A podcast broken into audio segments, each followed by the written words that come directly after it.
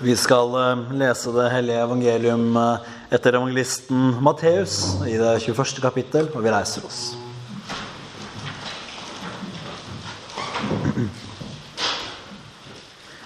Og da han dro inn i Jerusalem, kom hele byen i bevegelse, og de spurte, 'Hvem er dette?' Og folket svarte, 'Dette er profeten Jesus fra Nasaret i Galilea.'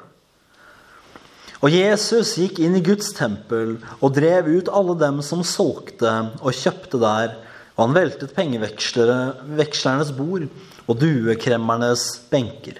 Og han sa til dem, det står skrevet, mitt hus skal kalles bønnens hus, men dere gjør det til en røverhule. I tempelet kom det blinde og lamme til ham, og han helbredet dem. Men da yppersteprestene og de skriftlærde så, så de undergjerningene han gjorde, og barna som ropte i tempelet, Hosianna, Davids sønn, da ble de harme. Og de sa til ham, Hører du hva disse sier? Men Jesus sa til dem, Ja, har dere aldri lest, fra småbarns og diebarns munn har du beredt deg lovprisning. Og han forlot dem og dro ut av byen til Betania og der overnattet han. Slik lyder det hellige evangelium. Det kan eh, noen ganger være litt utfordrende å kommunisere om eh, adventstiden. Jeg tror dette her er et eh, problem vi kanskje mm, hovedsakelig sliter med pga. vårt norske språk. Eh, for eh, man kan jo gjenta til eh, det kjedsommelige at advent betyr ikke å vente. Det gjør det jo ikke, som dere kanskje da har hørt mange ganger før, at advent det kommer av latin og betyr komme. Fra adventus domini, Herrens komme. Likevel så er jo adventstiden en ventetid. Og det er jo kanskje det som gjør det vanskelig, fordi når man med den ene pusten sier ja, advent betyr jo ikke vente, så med den andre sier man gjerne ja, og så venter man, og så har man sparket beina under sine egne ord. Det er ikke alltid så lett, men jeg har ofte tenkt på dette med advent. Hva betyr det at advent er en ventetid? Egentlig så liker jeg ikke helt det ordet. Fordi hva er det man gjør når man venter? Jo, når man venter, så setter man seg ned og ja, venter på at noe skal skje. Dere er kanskje enige med meg i at dette å vente, det er en passiv handling. Den som venter, han gjør egentlig ikke noe annet enn å vente. Når jeg venter på noe, når jeg f.eks venter på bussen eller på flyet, med mindre jeg finner på noe annet å gjøre i mellomtiden, så sitter jeg der og jeg venter på at tiden, den skal gå av seg selv. Og jeg vet at mens jeg venter, så er det ingenting jeg kan gjøre for å få flyet eller bussen til å komme noe før eller noe seinere. Jeg må bare sitte der. Men advent det er en tid hvor vi ikke kan, eller egentlig bør, være passive. Og Kanskje høres det rart ut at jeg nå beskriver denne ventetiden som en form for passivitet. Når jeg tenker hvordan det er med deres juleforberedelser. Jeg må jo innrømme at mine juleforberedelser de er rimelig passive. Det er ikke sånn at jeg snur eh, huset mitt på huet for å bake og vaske. Og jeg har pynta litt til advent, riktignok, men jeg er ikke en veldig aktiv juleforbereder. Det er jeg ikke. Men kanskje det verdslige det er en høyst aktiv tid. Men hvordan står det til med de åndelige forberedelser eller den åndelige ventetid i adventstiden? Og jeg er helt overbevist om at når det kommer til vårt åndelige liv, vår forberedelse på at Jesus en gang skal komme tilbake ja, Da bør vi ikke være passive. Da bør vi ikke vente. Da bør vi gjøre den aktive delen av ventingen, altså det man kaller forberedelse. For sånn er det med disse tidene våre i kirkeåret.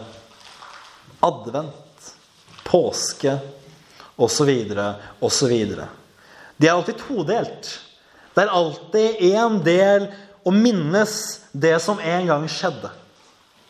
I påsken minnes vi Jesus siste påske, hvor han ga sitt liv for hele verden. I adventstiden og i juletiden så minnes vi det vi kaller på fint for inkarnasjonen. At Jesus Kristus ble menneske. At Gud gjestet sitt folk.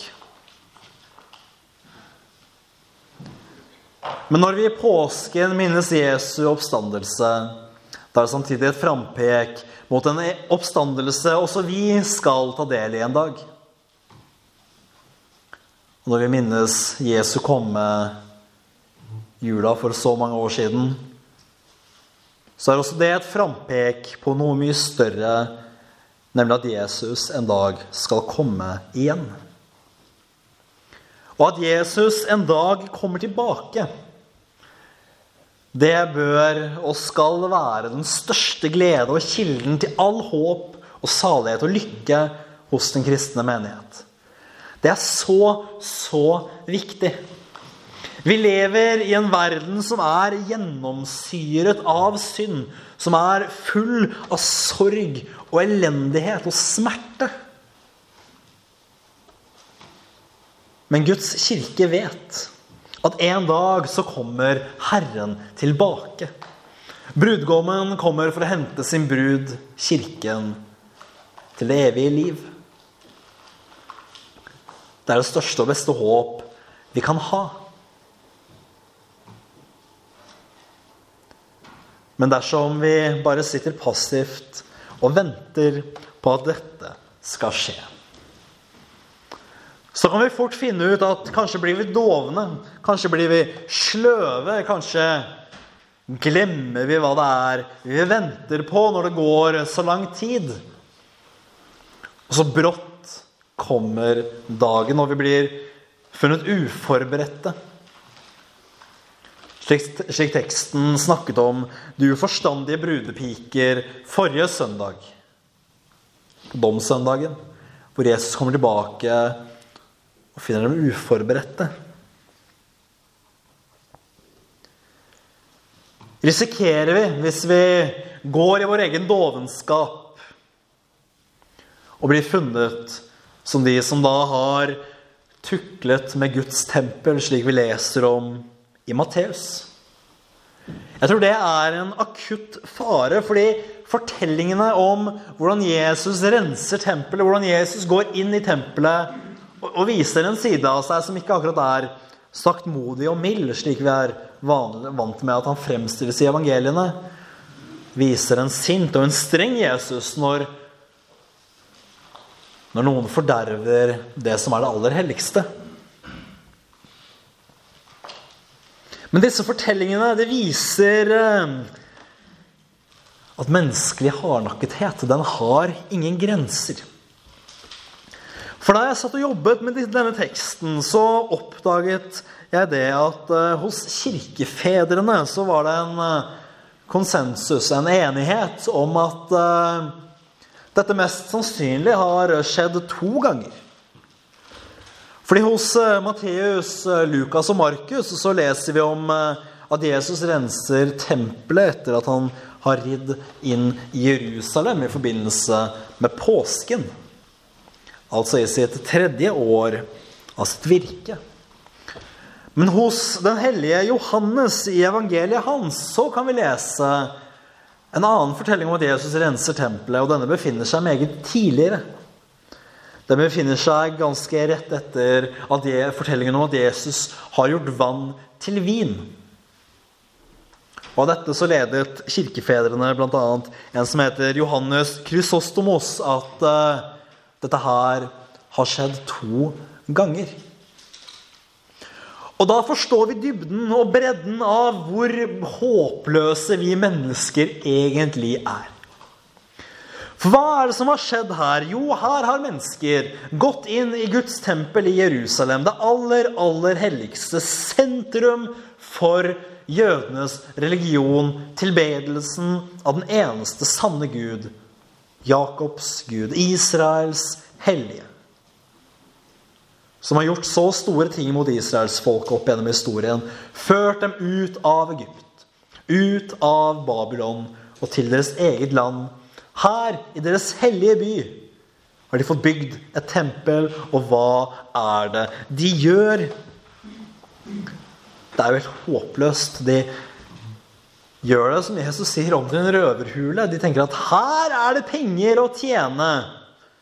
Så er det som på en tegnefilm hvor du kan se dollartegna lyse opp i øynene deres, og deres grådighet skinner gjennom. Og så kommer mesteren selv, og han ser dette. Selvfølgelig blir han rasende. Her i Guds tempel skulle det være tilbedelse av Gud, æring av Gud. Man skulle søke Gud og Gud alene for Hans nåde. Man skulle ikke legge noe til eller trekke noe fra og tenke at her kan jeg tjene penger. Og Vi leser hos evangelisten Johannes at Jesus driver dem ut. Og hva skjer så? Jo, det går noen år, og Jesus kommer tilbake. Forbindelse med påsken hvor han skal gi sitt liv på korset til soning for alle våre synder. Og noe av det første som møter han, er at ja vel, her har de gått tilbake til det de drev på med før. Om vi nå tar denne tolkningen som god at det faktisk skjedde to ganger, da er det helt, helt hårreisende. Her har de virkelig fått høre, de har virkelig fått sett at Jesus er den sanne Gud. Han har fortalt dem at denne synd som det er å gjøre Guds hus til et handelssted, den må dere vende om fra. Kanskje gjorde de det en tid. Og kanskje vender vi også ofte om en tid. Men hvor ofte skjer ikke det at vi som menneskene i Jerusalem for 2000 år siden ikke lar det gå lang tid fra vi har vendt om fra en synd, til vi går tilbake til akkurat det samme? Man kan jo tenke seg når man leser dette, hvor dum går det an å være? Dere har jo hørt at dette er galt. Klarte dere virkelig ikke å holde dere unna å gjøre akkurat denne tingen? Men når vi ser våre liv, så kan vi se at sånn er det også ofte for oss. At vi har vendt om fra en synd. Vi har angret, og vi har søkt om Guds nåde. Så går det en tid, og så glemmer vi, og så driver vi på med akkurat det samme ikke lenge etter. Og det er ganske uklokt, for å si det forsiktig. Og derfor er adventstiden såpass viktig. Ikke fordi det bare er i adventstiden hvor vi skal forberede oss selv på at Jesus kommer tilbake. Men fordi når vi har disse drypp i kirkeåret, hvor eh, hver tid har sitt eget preg, så kan vi kanskje nå ekstra tenke på at man skal se på hvordan det står til i ens eget indre, i ens eget åndelige liv. Og ikke tenke at å nei, hvis jeg, er, hvis jeg ikke er fri fra synd, så er det dårlig stilt med meg. Det er ikke det det handler om. Det er ikke det det handler om.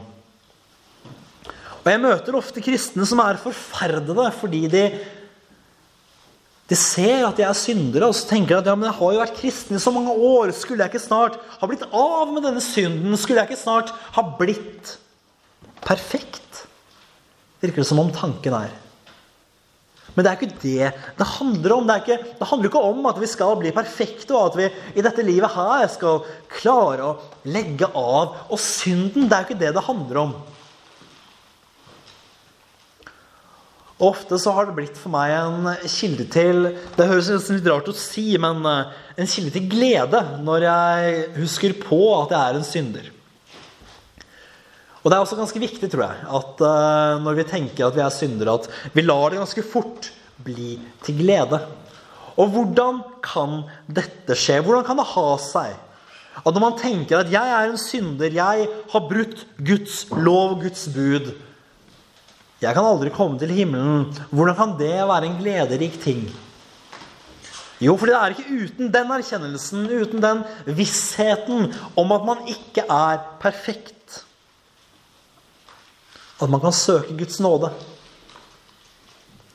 Fordi vi må vite at vi er syndere for å gå til Gud og søke nåde.